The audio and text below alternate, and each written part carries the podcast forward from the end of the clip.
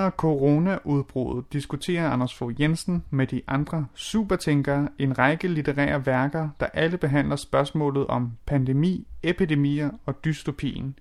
Lyt med og bliv klogere på, hvad sygdom gør ved os mennesker og samfund.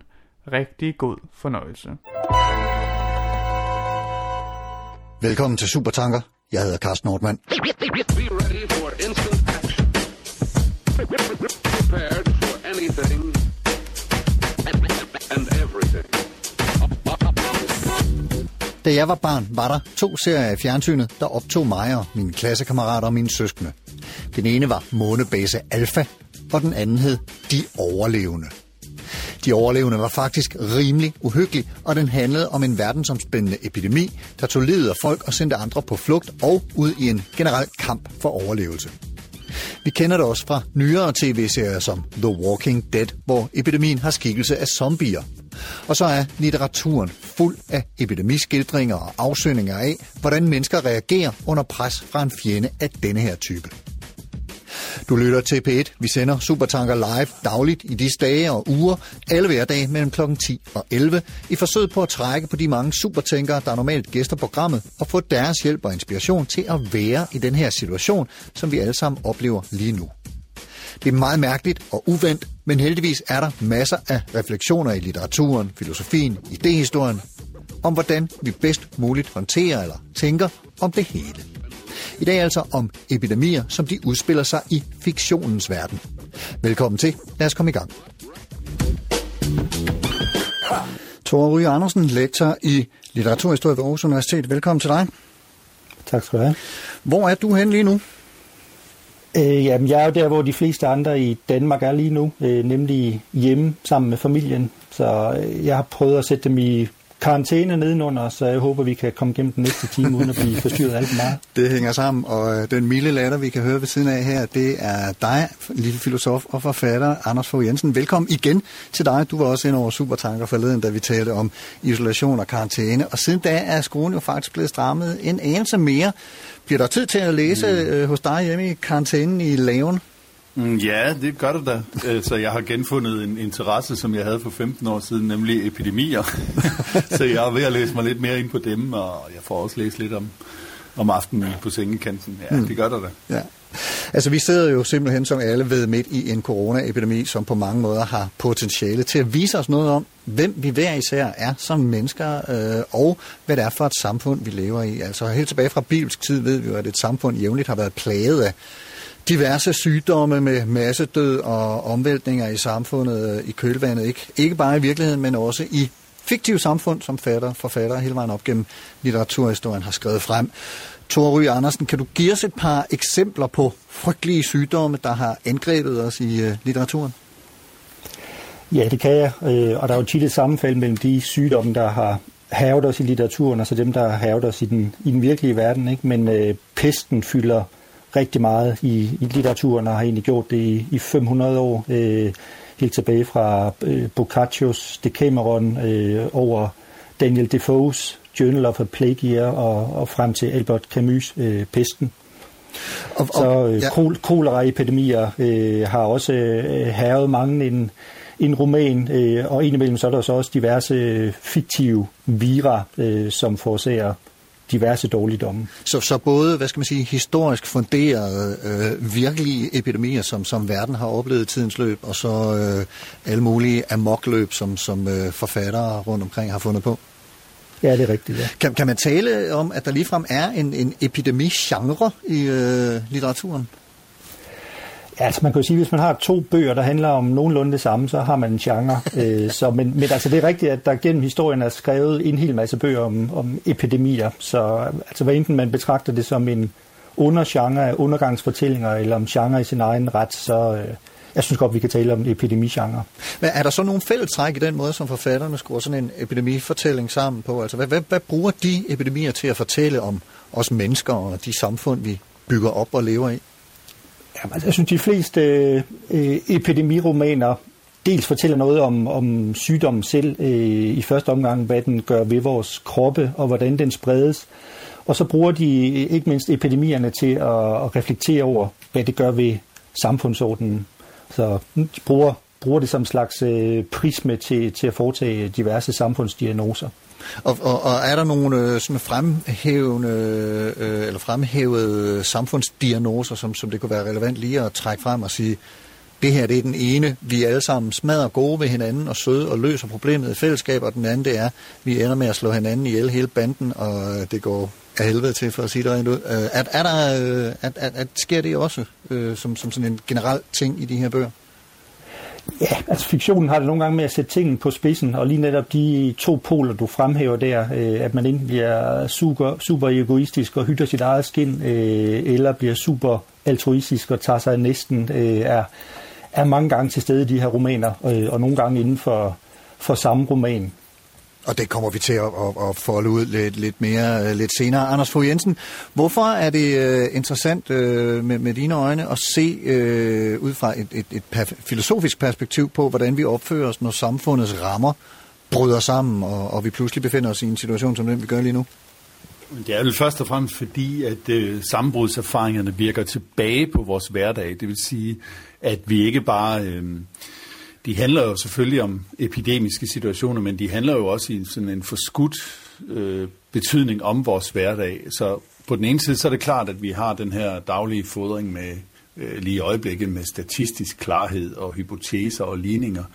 Men litteraturen har en anden klarhed over sig. Den, den, den kan fremsætte noget fiktivt, hvor i vi kan se øh, noget noget reelt, eller man kan sige, man, den fremsætter noget falsk, som vi kan se noget sandt i. Så, så den, jeg mener, litteraturen er ikke et direkte spejl, men den er sådan en slags forvrænget spejl, der lidt forrygt viser os, hvordan vores hverdag er, hvad et menneske er, hvad det er for en civilisation, vi lever i osv.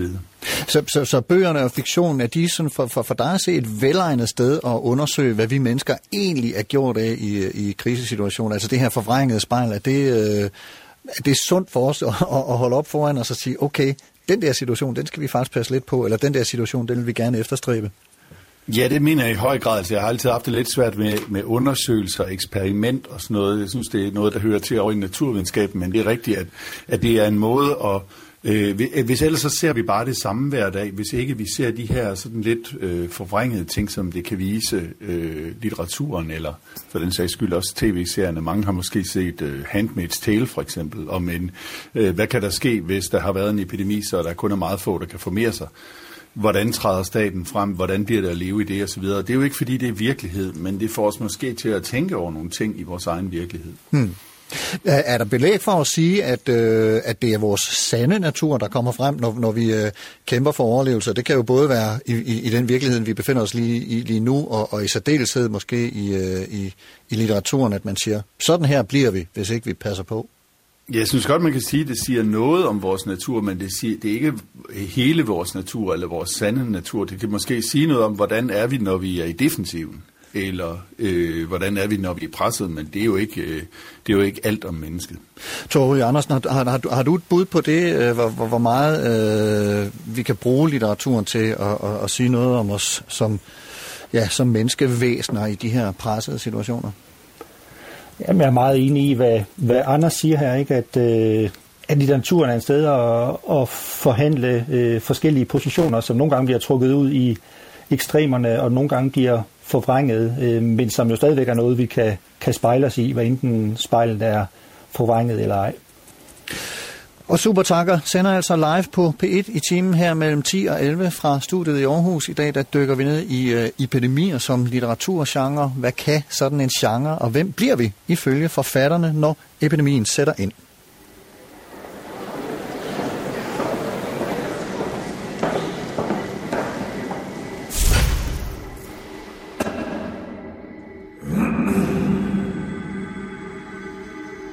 En forfatter, der selv har skrevet sig ind i samfundets sammenbrud under en epidemi, hedder Thomas Helle. Hans bog hedder De dødes tid. Det var jo, hvordan jeg forestillede mig, sådan en, en, en, øh, en epidemi, den ville udvikle sig øh, og, og til en pandemi, og hvordan den utryghed, der, der vokser i befolkningen, øh, den, den tager sig ud, samtidig med, at man, man følger det her sygdomsbillede.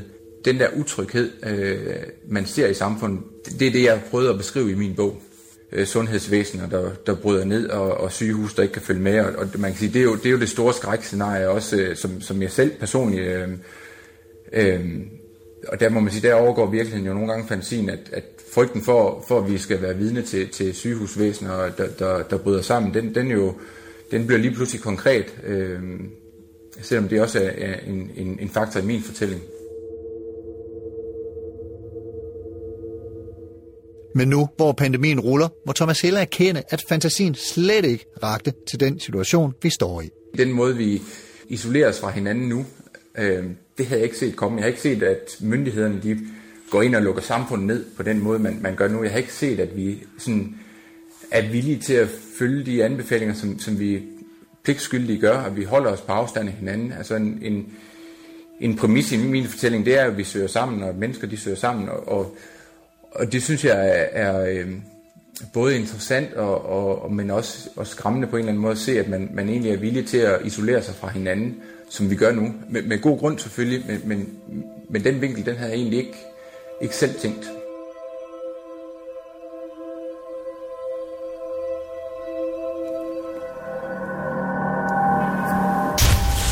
Det er som sagt super tanker på P1. Mit navn er Carsten Nordmann, og med på diverse telefonlinjer har jeg filosof Anders Fogh Jensen og lektor i litteraturhistorie Tore Ry Andersen.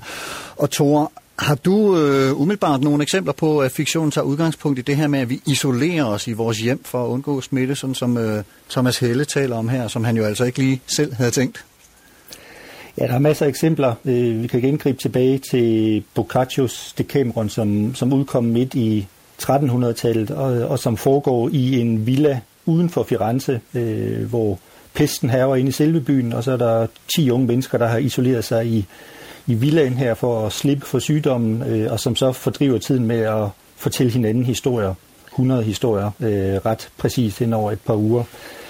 Også øh, øh José Sarmagos roman Blindhed, øh, hvor epidemien på mystisk vis gør folk blinde, øh, skildrer, øh, hvordan en lille gruppe mennesker bliver isoleret på en anstalt, der bliver deres nye hjem, øh, og hvordan de så at sige, danner en, en ny familie med, med offrene der. Så der er masser af romaner, som skildrer den her isolation, øh, og igen, øh, i og med at litteraturen overdriver nogle gange, så går det nogle gange af, af helvede til, når folk er isoleret sammen. Ikke? Øh, man kan bare tænke på en film som som øh, Ondskabens Hotel af Stanley Kubrick, hvad der sker, når man er alene sammen med familien ja, for lang tid. Det, det, ja. det går der helt, ryger der helt af sporet. Jeg står lige og kommer til at tænke på, øh, nu nævner du José Saramago's øh, roman Blindness, eller Blindhed hedder den jo på dansk, at det her med øh, epidemier, som gør folk blinde, det er han jo faktisk ikke ene om. Dem, dem, øh, der er blandt andet, øh, der er blandt andet bog, den, den bog, der hedder øh, Trifitternes dag, eller da Trifitterne kom, eller et eller andet, som også handler om, at store dele af verdens befolkning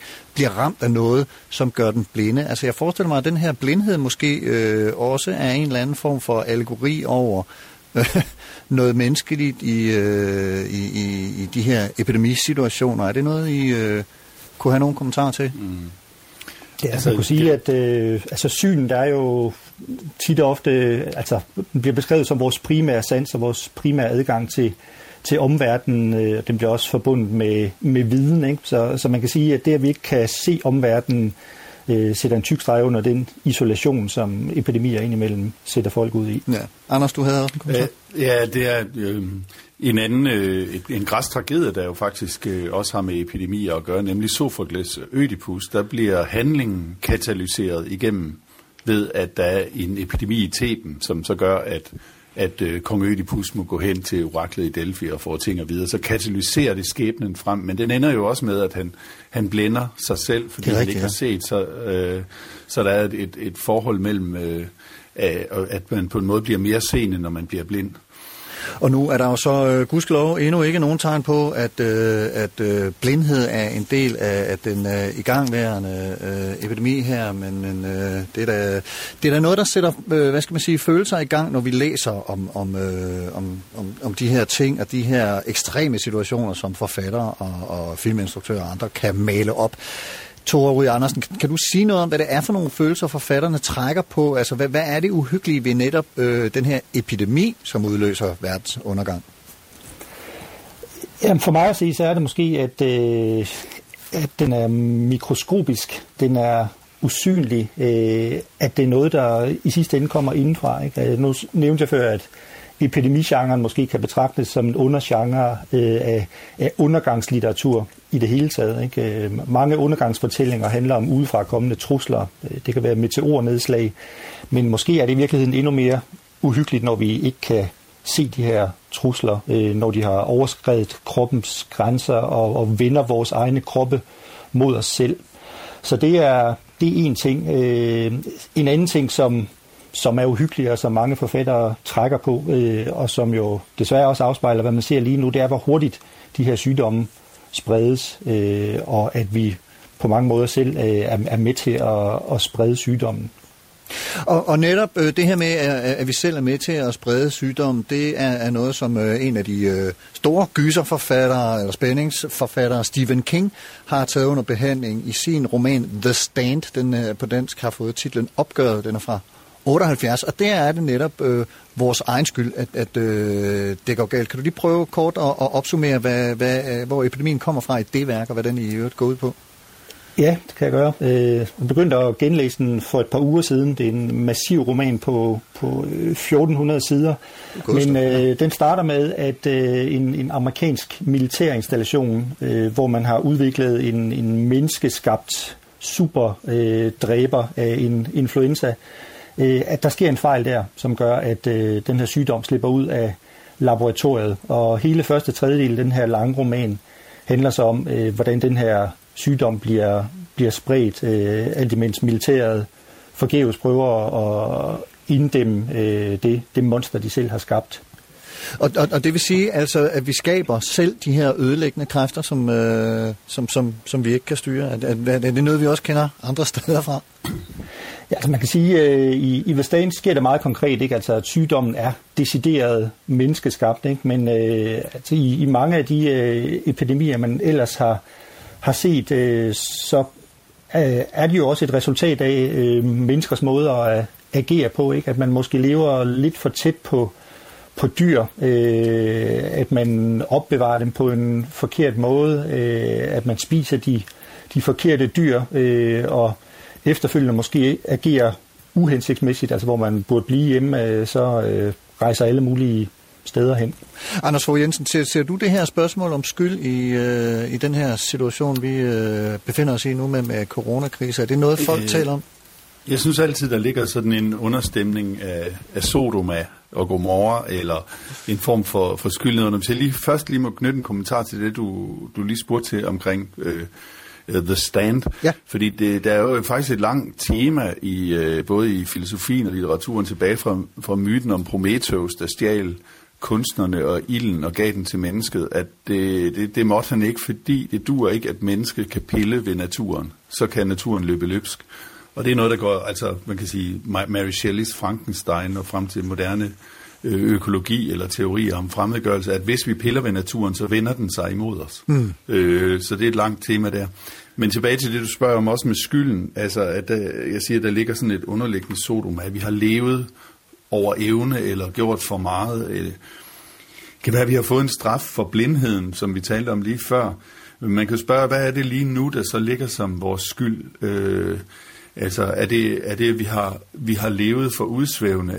Det her med bare at øh, tage på skiferie i alberne og feste, øh, hvad er det det, vi er skyldige i? Eller er vi, øh, måske er der også en øh, storby skyld, Altså det, som både epidemier fra tilbage fra tuberkulosen til, til nu viser, det er, at storby, det er virkelig noget skidt. Mm. Øhm, så kan man sige, om vi bærer rundt på sådan en slags globaliseringsskyld, øh, at det her med den her promiskuitet med, at alle grænser, der er, de skal bare nedbrydes, så vi skal flyde frit mellem hinanden, øh, og gerne meget hurtigt, det, øh, det gør jo, at hvor pesten, som man sagde, bredte sig, bredte sig som en steppebrand, så tog det dog to år at nå fra Italien til Norge. Ikke? Nu her, der snakker vi jo dage.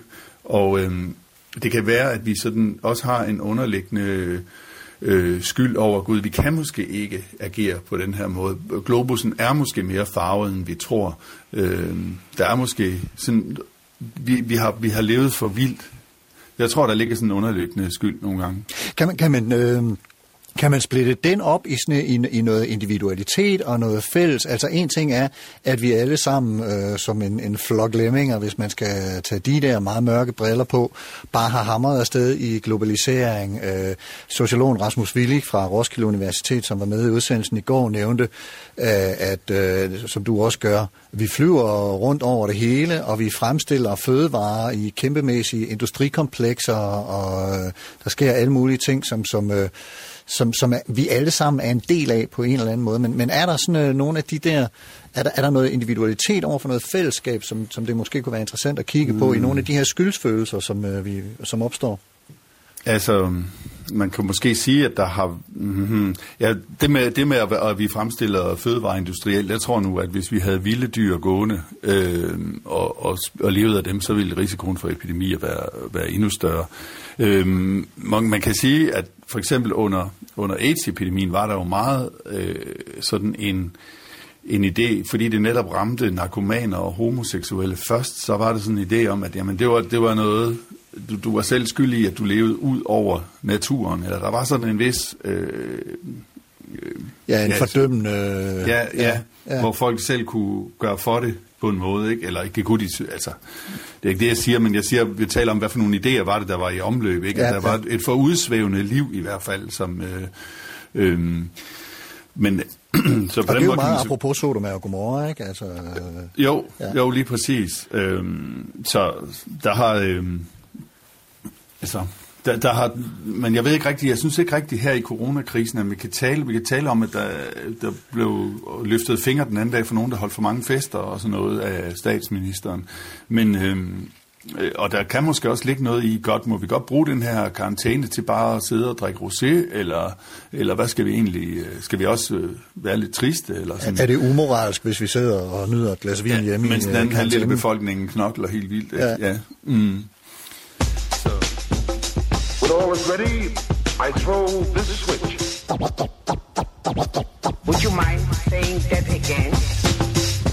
Du lytter til Supertanker på P1, som P1 hedder det, som dagligt uh, sender for tiden her i forsøget på at hente refleksion og hjælp fra filosofien, idehistorien, sociologien, psykologien øh, litteraturen og alle de der supertænkende discipliner, som måske kan sætte nogle andre ord på vores færden i situationen, end dem vi hører fra nyhedsmedier, politikere og sociale medier. P1 sender live hele dagen, det vil sige fra klokken 6 om morgenen til klokken 6 om aftenen, altså 18, og her i timen 10 til 11, der er det altså mig, Carsten Ortmann, der har den, medmindre der pludselig bliver indkaldt til et pressemøde i statsministeriet, så stiller vi naturligvis om til det. Og der er jo også nyheder hver time. I udsendelsen i dag, der taler vi om øh, epidemier i fiktion, litteraturen selvfølgelig, men også diverse filmatiseringer og tv-serier derudaf. Og de medvirkende, som sidder ude i deres øh, respektive hjemmescenografier og er igennem på moderne teleløsninger, det er Tore Ry Andersen, lektor i litteraturhistorie på Aarhus Universitet, og Anders Fogh Jensen, som er forfatter og filosof. Og Tore Ry Andersen, hvis vi skal nu skal dømme ud fra, fra de klassiske romaner med epidemien som bagtæppe, hvad er så de bedste egenskaber at have med sig ind i en verden fyldt med sygdom og død? Der kan man måske sige, at de øh, egenskaber, som generelt øh, bliver fremhævet som, som de bedste egenskaber i, i forhold til det at indgå i et samfund, ikke? Men, øh, men det at, at være næstekærlig og udvise altruisme, samfundssind og tage sig af hinanden, øh, er klart noget, der i, i litteraturen og kunsten om, om de her ekstreme situationer, som epidemier er, bliver fremhævet som positivt. Øh, altså det er simpelthen en god idé at dele sin konservesdåse og sit øh, toiletpapir med, med andre mennesker. Ikke? Øh, og en række af de her romaner, blandt andet øh, Stephen Kings The Stand, som vi nævnte før, repræsenterer en eller anden form for polarisering ikke? Øh, mellem øh, egoisterne, der hytter deres egen skidt på den ene side, øh, og så de næste kærlige på den anden side. Så en, en generel øh, pointe kunne være, at, at næste kærlighed og samfundsskild, øh, samfundssind bliver skildret som noget positivt. Nu, det kan man så sige øh, indebærer nogle, nogle paradoxer lige nu i den her situation, ikke? Altså, hvor vi jo paradoxalt nok kan udvise størst samfundssind ved at holde os for os selv og ved at, at blive hjemme inde bag lukkede døre. Øh, og samtidig så har vi jo så i forhold til øh, tidligere epidemier, øh, sociale medier, hvor vi så alligevel kan tage del i et større fællesskab og, og signalere en eller anden altruisme og udskamme folk, der måske hamstrede lidt for meget toiletpapir øh, første aften efter Mette Frederiksens tale. Men, men, og så netop meget, faktisk meget apropos øh, Mette Frederiksen og, og vores regering, vores stat, for, fordi øh, nu, nu du taler om fællesskabsfølelse og altruisme som, som øh, nogle gode egenskaber, og, øh, og, og, og der kan jo nogen øh, måske stille sig selv spørgsmålet, hvor meget af det ville vi være i stand til at finde frem i den her situation, hvis ikke netop staten var ude og sige, hør her venner, nu er situationen sådan her, I er nødt til at, altså det her øh, forhold mellem individ og, og øh, stat, øh, når, når vi pludselig står i en situation som den her? Ja, det er et godt spørgsmål. Øh, der kan man jo gribe helt tilbage til Thomas Hobbes og, og hans værk Leviathan, øh, som netop argumenterer for, at hvis ikke man har en, en stærk stat i mørke tider, så vil det være alles kamp mod alle. Så man kan sige, at det, at øh, staten både herhjemme og efterhånden også mange steder i udlandet har, har trådt så meget i karakter, som den har, øh, fri, fritager også fra en del øh, vanskelige beslutninger og en del ansvar. Så øh, altså, hvis vi bare makker ret, havde jeg sagt, så har vi vores på, på det tørre.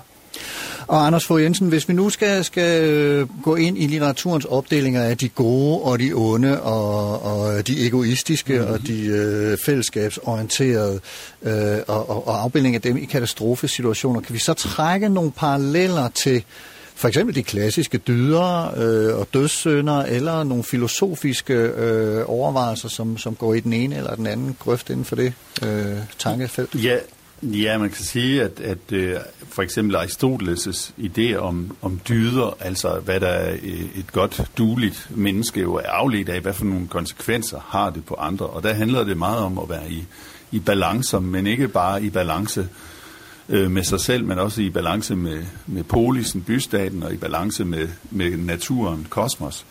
Og jeg tror, at i den her situation, vi er i nu, der handler det også om, øh, at dyderne retter sig. Der, der er ligesom om, hvor vi har haft en stor økologiske debat, og nok får den igen, så øh, er det ligesom om, at øh, naturen er blevet erstattet af populationen nu.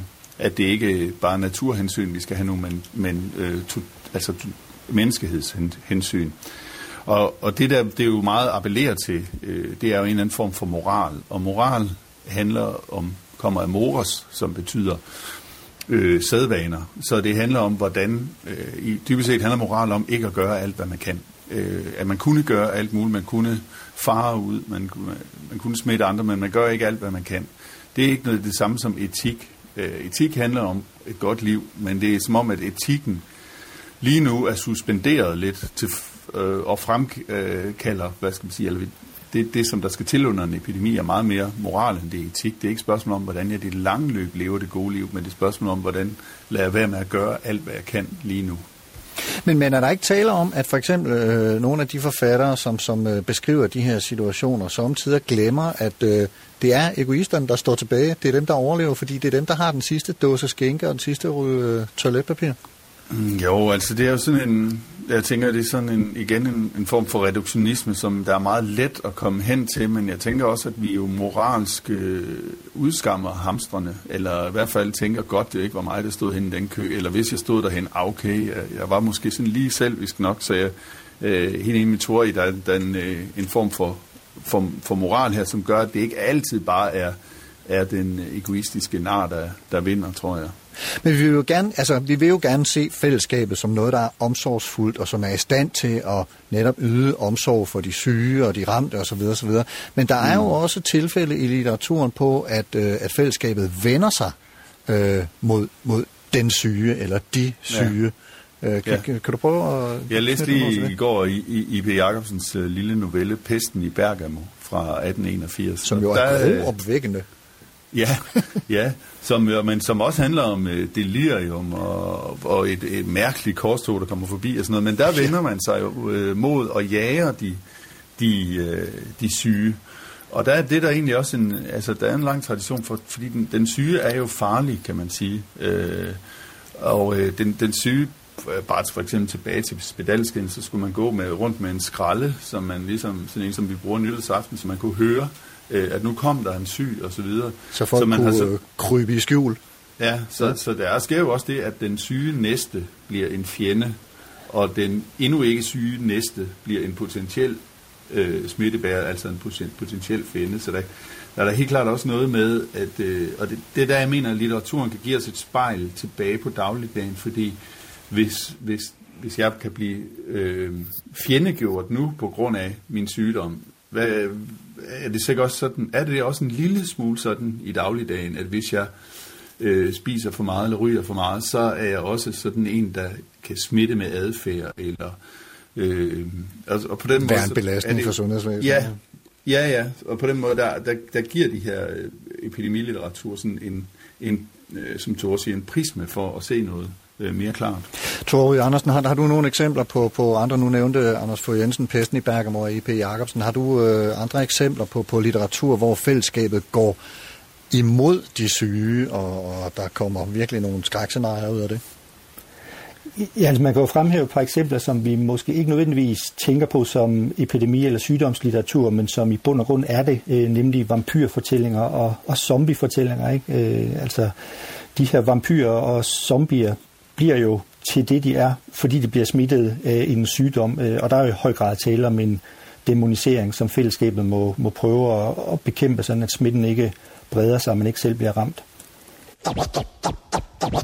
Would you mind saying that again? Supertanker på P1 hver dag, hvor jeg hiver fat i dele af arsenalet af supertænkere for at knytte refleksion, besindighed, filosofi i bred forstand til nogle af de tanker, der opstår, når vi pludselig alle sammen er blevet skudt ud af vores vanlige mønstre og er nødt til at omtænke hverdagen for en stund. Og husk, i det store billede er det efter alt at dømme en stund, selv hvis de 14 dage bliver til fire uger og måske lige frem mere. Den del af det lader vi andre om at vurdere. Hvis der er noget, I spekulerer over, jeg lytter ude ved apparaterne, noget I undrer jer over eller er frustreret over i hele den her situation, og som I tænker, man da godt lige kunne tage under filosofisk supertankerbehandling, så skriv til supertanker eller på Facebook-siden Carsten Ortmann Radio. Hvad angår formen, så er den jo præget lige nu af, at vi skal undgå fysisk kontakt, så gæsterne i programmet er ikke med i studiet, som de normalt er. De befinder sig på egne matrikler rundt om i landet.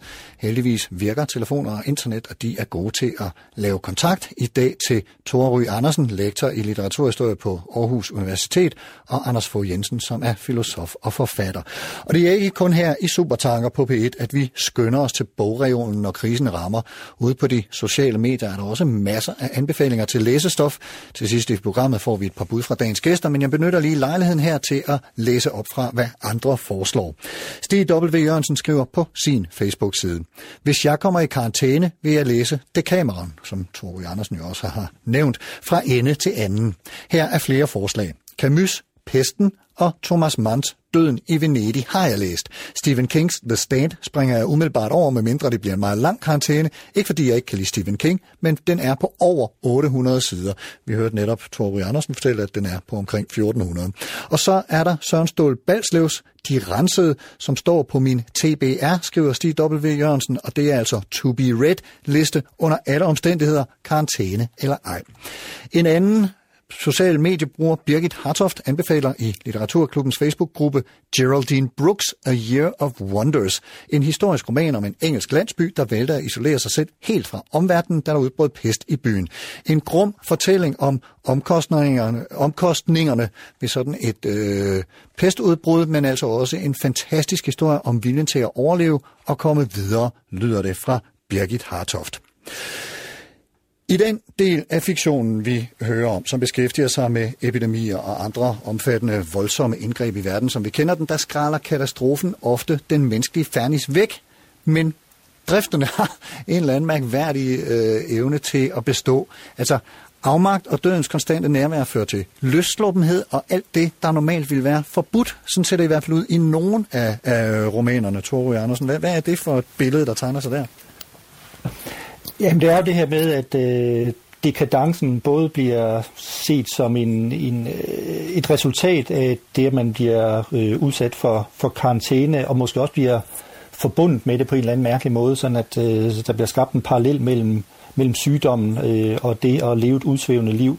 Altså, nu nævnte øh, Anders lige før AIDS-epidemien, ikke, øh, hvor homoseksuelle i udgangspunktet blev set som dekadente, der selv var skyld i, at øh, den her sygdom ramte dem. Øh, og den her figur er jo en, man, man kender fra flere litterære værker. Øh, man kan gå tilbage til en øh, meget uhyggelig historie, Edgar Allan Poe øh, skrev tilbage i 1842, øh, som hedder The Mask of the Red Death, som øh, skildrer en, en frygtelig sygdom, den røde død, som tydeligvis er en, en afart af, af pesten, den sorte død, øh, som rammer et samfund. Øh, prins Prospero forskanser sig så med en flok mennesker i et kloster for at prøve at, at undgå den her røde død, øh, og der skærer de sig lystigt ud. Øh, de holder blandt andet på et tidspunkt et, et maskebal, øh, simpelthen for at, at feste i øh, sygdommens skygge.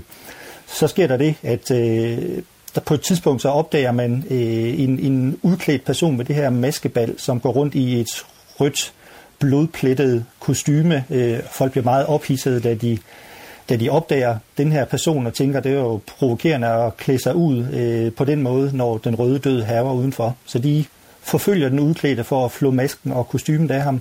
Men da de gør det, øh, så er der ikke noget indenunder. Så det er sygdommen selv, der har bevæget sig indenfor bag de lukkede mure og, og rammer de her dekadente mennesker. Er, er, der, en, er der en moral i det, en, en tolkning, som, som vi skal øh, skrive os bag høret her, for det, det lyder ikke rart.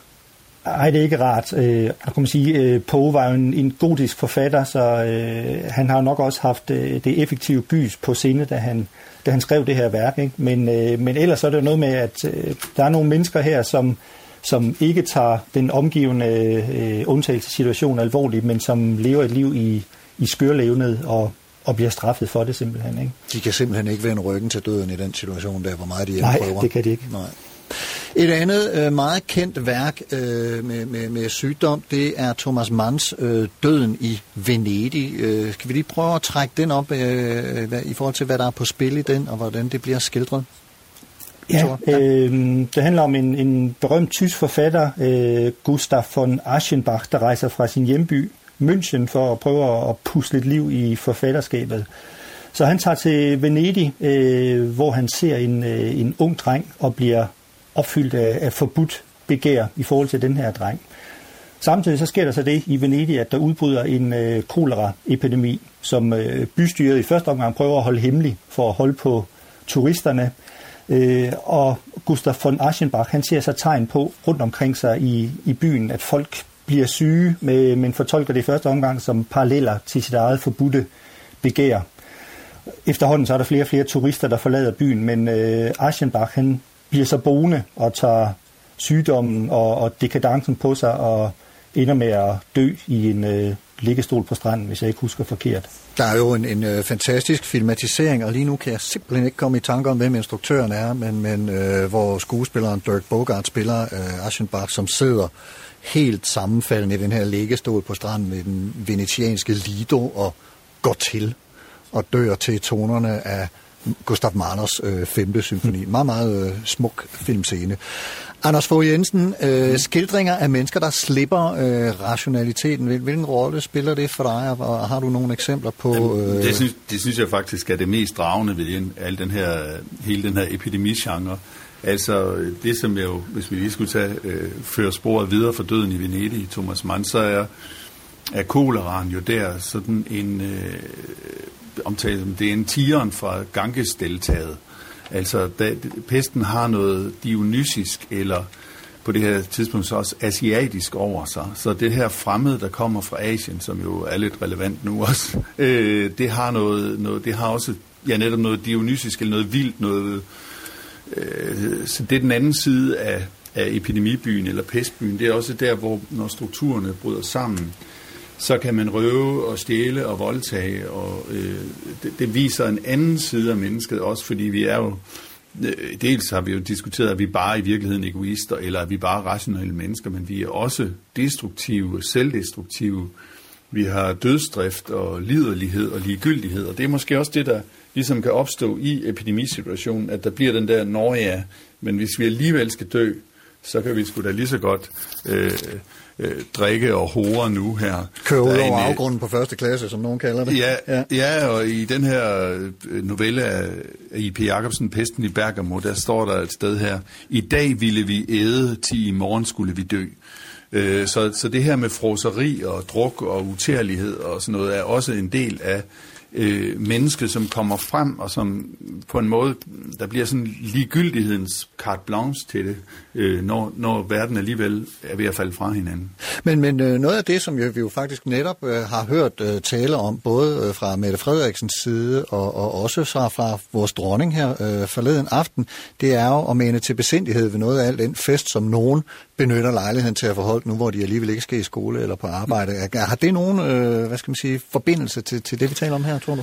Øh, ja, det tror jeg, altså, fordi det er, jo, det er jo selvfølgelig fornuftigt, og det skal vi også og sådan noget, men samtidig kan det jo også blive en lede ved alt den her øh, fornuft og rationalitet og styring, og nu må vi lige besinde os, altså, så jeg, jeg kan huske under øh, AIDS-epidemien i 80'erne, der var der sådan nogle øh, homoseksuelle fester i London, hvor man blev inviteret, og man måtte ikke afslå samleje, man måtte heller ikke bruge kondom, og man vidste, at en tiende del af dem, der var derinde, havde HIV.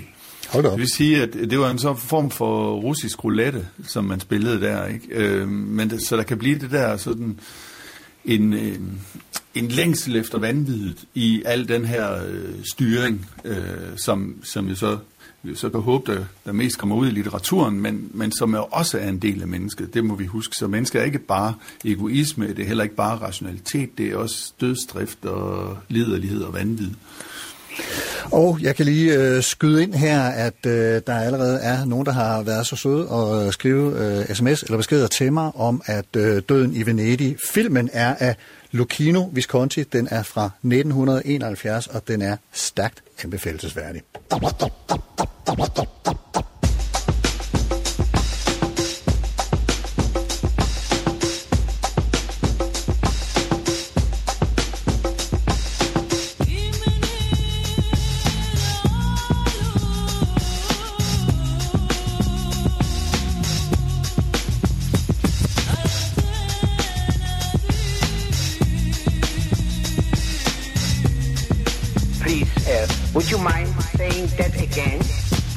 Thinking of a master.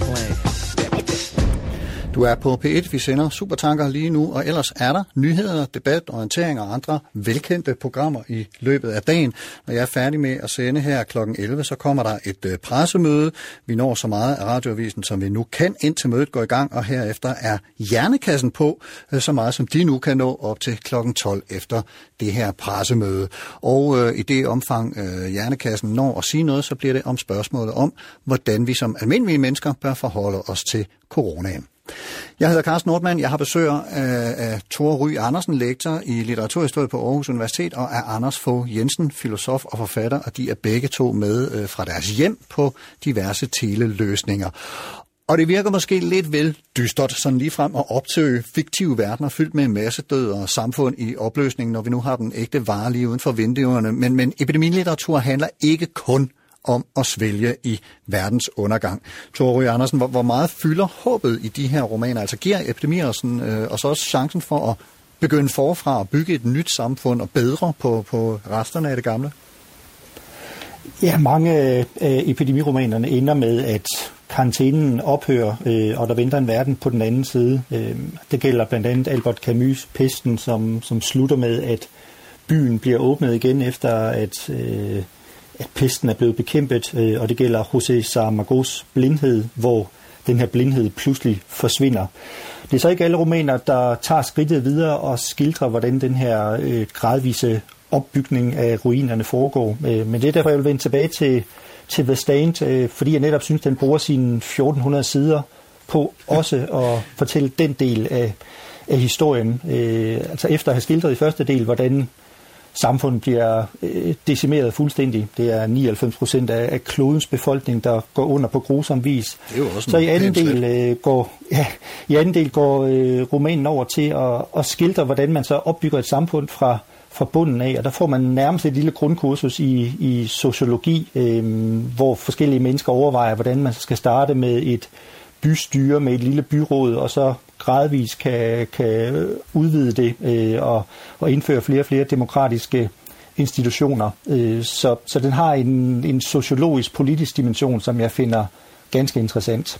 Men Anders Fogh Jensen, er der så i virkeligheden øh, øh, øh, en et, et fællesskab mellem romanforfatternes øh, skildringer af, af det her, og så filosofer, som, som øh, gennem tiden har gjort noget tilsvarende, altså tænkt, prøve at tænke sig frem til, hvordan vi måske kunne gøre det hele bedre, hvis vi nu startede forfra. Øh, er, er der et, et, et, et slægtskab der?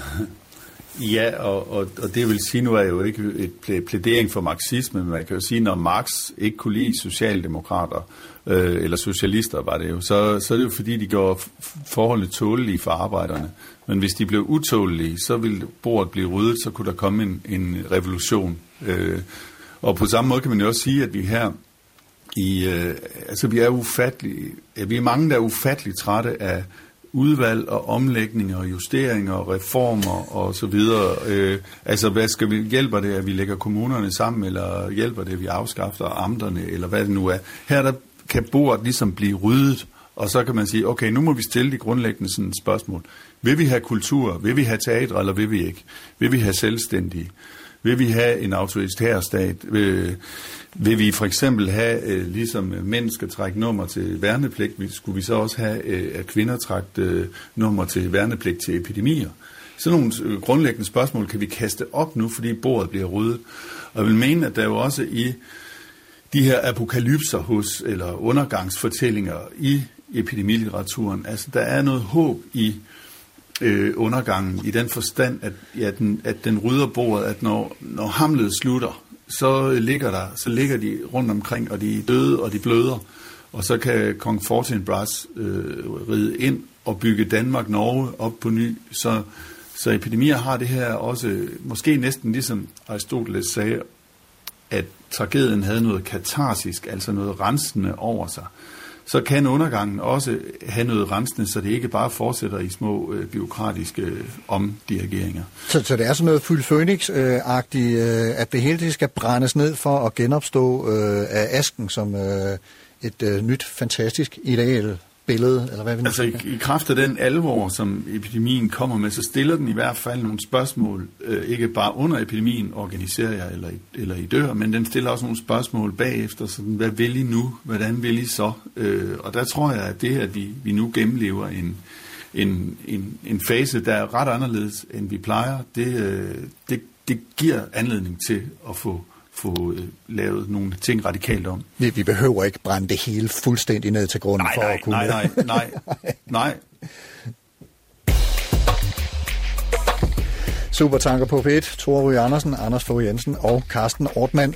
Karantænen og de øh, indskrænkede muligheder for at forsamle os giver selvfølgelig øh, noget tid nu, hvor sygdom øh, raser øh, omkring os, og, og den kan vi jo passende bruge på at læse. Tore Andersen, får, du selv trang til at gå ombord i de klassiske øh, epidemiværker i, i øh, den her situation? Ja, det gør jeg. Altså, øh, det var ikke tilfældigt, at jeg begyndte på The Stand for, for nogle uger siden. Øh, altså selv før de her mest øh, radikale tiltag blev, blev sat i søen.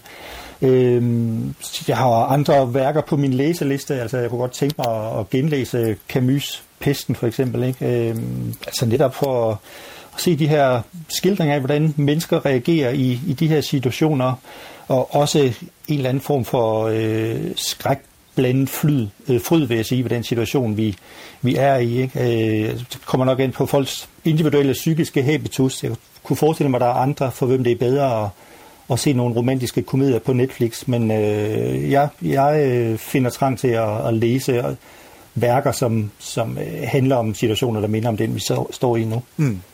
Og, og nu nævnte du lige øh, øh Camus' øh, roman Pesten fra 1947. Vi modtager øh, her på redaktionen en del øh, mails fra mange mennesker i disse her dage, og det er virkelig dejligt at høre jeres allesammens input og tilbagemeldinger. Og i aftes der kom der en mail fra Knud Erik Alsbjerg, som er dansk læge, der sidder oppe i Bergen i Norge, og han sendte et link til NRK, som er Norges DR, om man så må sige, hvor de fortæller, at øh, Albert Camus' Pesten er blevet en global bestseller i løbet af de seneste uger. På den italienske netboghandel Libreria i øh, IBS gik bogen fra en 71. 20. plads til en 3. plads allerede i februar. Republi- øh, det rapporterer øh, avisen Republika. I Sydkorea kabrede pesten andenpladsen på deres netboghandel Yes24 i søndags, og den ligger også på bestsellerlister både for e-bøger, papirbøger og lydbøger. Det melder Korea Herald. I Japan er salget syvdoblet eller ottedoblet måske lige frem, og den bliver nu trygt i et nyt oplag, melder Republic World. Og britiske Penguin, som mange danskere vil øh, kende som forlag, oplever en stigning i salget på 150 procent i forhold til samme tidspunkt sidste år. Penguin har haft pesten i salg, siden den udkom i, i 47, og genoptrykker den nu, fordi øh, bogen simpelthen er udsolgt på Amazon. Det øh, skriver The Guardian. Øh, vi vender lige tilbage til øh, Thomas Helle, forfatteren, som vi hørte øh, tidligere i programmet, der for halvandet år siden udkom med sin debutroman De Dødes Tid, og som på litteratursiden.dk blev kaldt et slaraffenland af apokalyptisk død og ødelæggelse. Han anbefaler en skånsom tilgang til epidemilitteraturen, sådan som verden står nu. Vi har jo som menneske en naturlig katastrofehunger, øh, vil være mit bud, når vi ikke står i det. Øh, skal man kaste ud i den genre, så er der jo meget, og, og man, man kan tage sådan en som Ken Folletts Uendelige Verden, som, som beskriver øh, på et tidspunkt, hvordan pestens udbredelse. Men, men det er en ramme, øh, en fortælling af kærlighed, en fortælling af, af, af de relationer, der, der var dengang. Så, så hvis, man, hvis man drages lidt af, af genren, så vil jeg da foreslå noget, der, der holder sig øh, til dels for den virkelighed, vi lever i øh, lige nu. Tore og, og, og Anders, øh, kan, kan det øh, i jeres optik blive for meget, hvis bøgerne får os til at gå endnu mere i katastrofeberedskab, end vi allerede er? Tore? Mm. Øh, ja, altså, som sagt, det afhænger nok af, hvordan folk er skruet sammen op i, i hovedet. Øh, men der er ingen tvivl om, at der er meget øh, alarmisme i de her dage, øh, og der er heller ingen tvivl om, at den alarmisme går viralt på sociale medier, øh, for nu at, at bruge et øh, relevant udtryk. Så øh, altså nogle, nogle mennesker øh, kan jo så godt lide at, at sænke sig ned i, i det her bad af, af elendighed. Øh, andre skal måske bare øh, nyde historier, som ikke nødvendigvis har noget med pesten og, og døden at gøre. Man kan jo sige, det er det, som øh, Decameron også handler om, ikke? Altså, hvor, hvor pesten fungerer som en rammefortælling, men hvor de her folk, der isolerer sig selv, jo så fortæller historier om alt muligt andet, øh, meget erotiske historier, kærlighedshistorier, moralske historier. Man kommer langt omkring i de 100 historier. Mm. Anders Fogh Jensen, har du, har du en øh, kommentar til, til det her spørgsmål? Øh, ja, ja, altså jeg kan godt følge det her med, at det kan, man, kan, man kan gå endnu mere i panik, og hvis jeg skulle følge øh, rådet fra forfatteren her, så kunne man jo læse Emily Bronte's uh, Wuthering Heights, uh, Stormfulde Højder, hvor, som, som foregår under tuberkulosen, hvor, hvor Heathcliff og Catherine, de, de øh, bliver adskilt på grund af tuberkulosen, og, og det er selve afstanden mellem de elskende er jo et, et tema i enhver kærlighedsroman, men det, det sker faktisk også i Romeo og Julie, at budbringeren ikke kan komme frem, munken kan ikke komme frem med beskeden om, at Julie kun har taget en sovepille og ikke har begået selvmord, og det gør, at Romeo begår selvmord, og derefter Julie selvmord. Så man kan godt finde mere milde øh, former for, øh, for, for om, omgang med, med øh, epidemier, hvis man vil det. Nu, nu øh, anbefalede øh, Thor så øh, Camus' Pesten og Stephen King's ja. The Stand, øh, og, og, ja. og øh, jeg ved, at øh, du har en, øh, en anden Thomas Mann-roman øh, med, ja. end den vi lige talte skal, om. Øh. Ja, jeg skal personligt ikke genlæse Camus' Pesten. Jeg synes, det var enormt kedelig. Øhm, og en allegori på fascismen også. Men skal med det, jeg, jeg vil anbefale Thomas Manns uh, Trolddomsbjerget, som jo øh, hvad kan man sige, foregår op på et sanatorium, Berghof, øh, i lige før Første Verdenskrigs udbrud, og som handler om, altså også sådan et, ja, jeg tror det er et tuberkulose-sanatorium, og der, det handler på mange måder om øh, et samfund, der er blevet for dekadent til at kunne danne, øh, sådan at forstå, at, at øh, hovedpersonen Hans Karstorp nok får råd til, hvordan han skal leve, men kan ikke rigtig bruge det, og så er det ligesom ligesom det Cameron, så er det en, også en anledning til at diskutere og fortælle om samfundet. En, en dis- diskussioner mellem bohemer, og humanister og romantikere og oplysningsfilosofer osv. Og den, øh, altså den vil jeg læse, i stedet for, hvis jeg skulle læse noget epidemilitteratur. Hmm. Og så anbefaler du også uh, The Handmaid's Tale, eller omtalte den i hvert fald netop som ja, det gjorde jeg, dystopi. Ja, hvis man ikke, hvis man skal se noget i stedet for at læse noget, så, så kan man sige, at den giver i hvert fald sådan øh, et, et spejl på, hvordan øh, det i yderste konsekvens kan blive, at staten må handle under en epidemi. Mm. Og Tore Ry Andersen, øh, har, har du, du havde også et par forslag til, hvad man kunne kaste over og se, hvis ikke man, man lige øh, er i gear til at læse? Ja, en film, som øh, er krøbet op af, af hitlisterne, ligesom øh, Camus' Pesten er, det er Steven Soderberghs øh, film Contagion, men den kom i, i 2011, øh, som ved skildring af en epidemis udbrud er ganske velresearchet øh, og derfor ganske skræmmende. Altså det er ganske vist en mere alvorlig sygdom, øh, der er tale om der, men, øh, men øh, den giver et, et rigtig øh, medrivende portræt af, af en række mennesker, der er, er meget presset og forskellige, på forskellige vis prøver at reagere på den her situation. Så vil jeg nok også anbefale øh, Cormac McCarthy's The Road som den ultimative undergangsfortælling. Øh, den har ganske vist ikke med en epidemi dyster. at gøre. Ja, den, øh, altså hvor mange apokalyptiske fortællinger øh, rummer et eller andet form for håb på den anden side af katastrofen, så gør The Road det ikke. Der er verden fuldstændig til hundene, øh, men den har et fantastisk portræt af en far og hans søn, der vandrer gennem ruinerne her og, og siger noget om det bedste og det værste i os. Så selvom der ikke er håb på lang sigt, så, øh, så siger det noget om den menneskelige tilstand på en fantastisk måde. Og, og Cormac McCarthy's The Road er en roman, som også er filmatiseret, og igen kan jeg ikke huske, hvem instruktøren er, men øh, det er med Viggo Mortensen i hovedrollen, og det er en øh, fuldstændig fremragende både bog og film, og øh, den vil jeg også gerne være med til at anbefale på alle tænkelige måder. Det var simpelthen så langt, som vi nåede med øh, dagens øh, optankning. Supertanker er ved at øh, nå i havn for i dag. Tore Andersen, lektor i litteraturvidenskab på Aarhus Universitet. Tusind tak til dig, fordi du var med her på, øh, på linjen. Selv tak. Og Anders Fogh Jensen, filosof og forfatter og trofast bidrag til programmet her. Altid en fornøjelse. Mange tak, fordi du kom og bidrog. Tak. Og som sædvanligt, stor tak til dig, kære lytter, for at lytte med. Husk, at hvis du kan lide, hvad du hører, så del det måske med en ven, måske med lidt flere, øh, som du er i kontakt med på forskellige vis. Jeg lægger lidt blandet info og de medvirkendes anbefalinger på Facebook-siden Carsten Ortmann Radio, og der er I også velkomne til at skrive øh, idéer til emner, vi kan tage op. Hvis du har ris, ros eller programmer, øh, idéer til øh, programmet eller andet, du gerne vil øh, kommunikere til mig, så skriv en mail til supertanker.dr.dk. Der er allerede kommet en masse gode indspark de seneste par dage, og vi kan ikke nå dem alle sammen, men tak for, at I skriver ind med dem. Det er stærkt inspirerende. Lad os hjælpes ad alle sammen, så kommer vi godt ud på den anden side. Når jeg er færdig her kl. 11 om små øh, om cirka 50 sekunder, så er der pressemøde. Øh, der er vi når så meget af radioavisen, som vi nu kan, og, øh, og efter pressemødet, så går hjernekassen på med, øh, hvordan vi skal forholde os til coronavirusen, så meget som det nu kan nå frem til kl. 12. Jeg hedder Carsten Nordmann. I redaktionen i dag var Diana Bak og Mette Willumsen, som også er redaktør. Dennis Kravlund er ansvarlig redaktionschef. Så lad os øh, hvad hedder det, have en god dag alle sammen på genhør i morgen her på B1 kl. 10.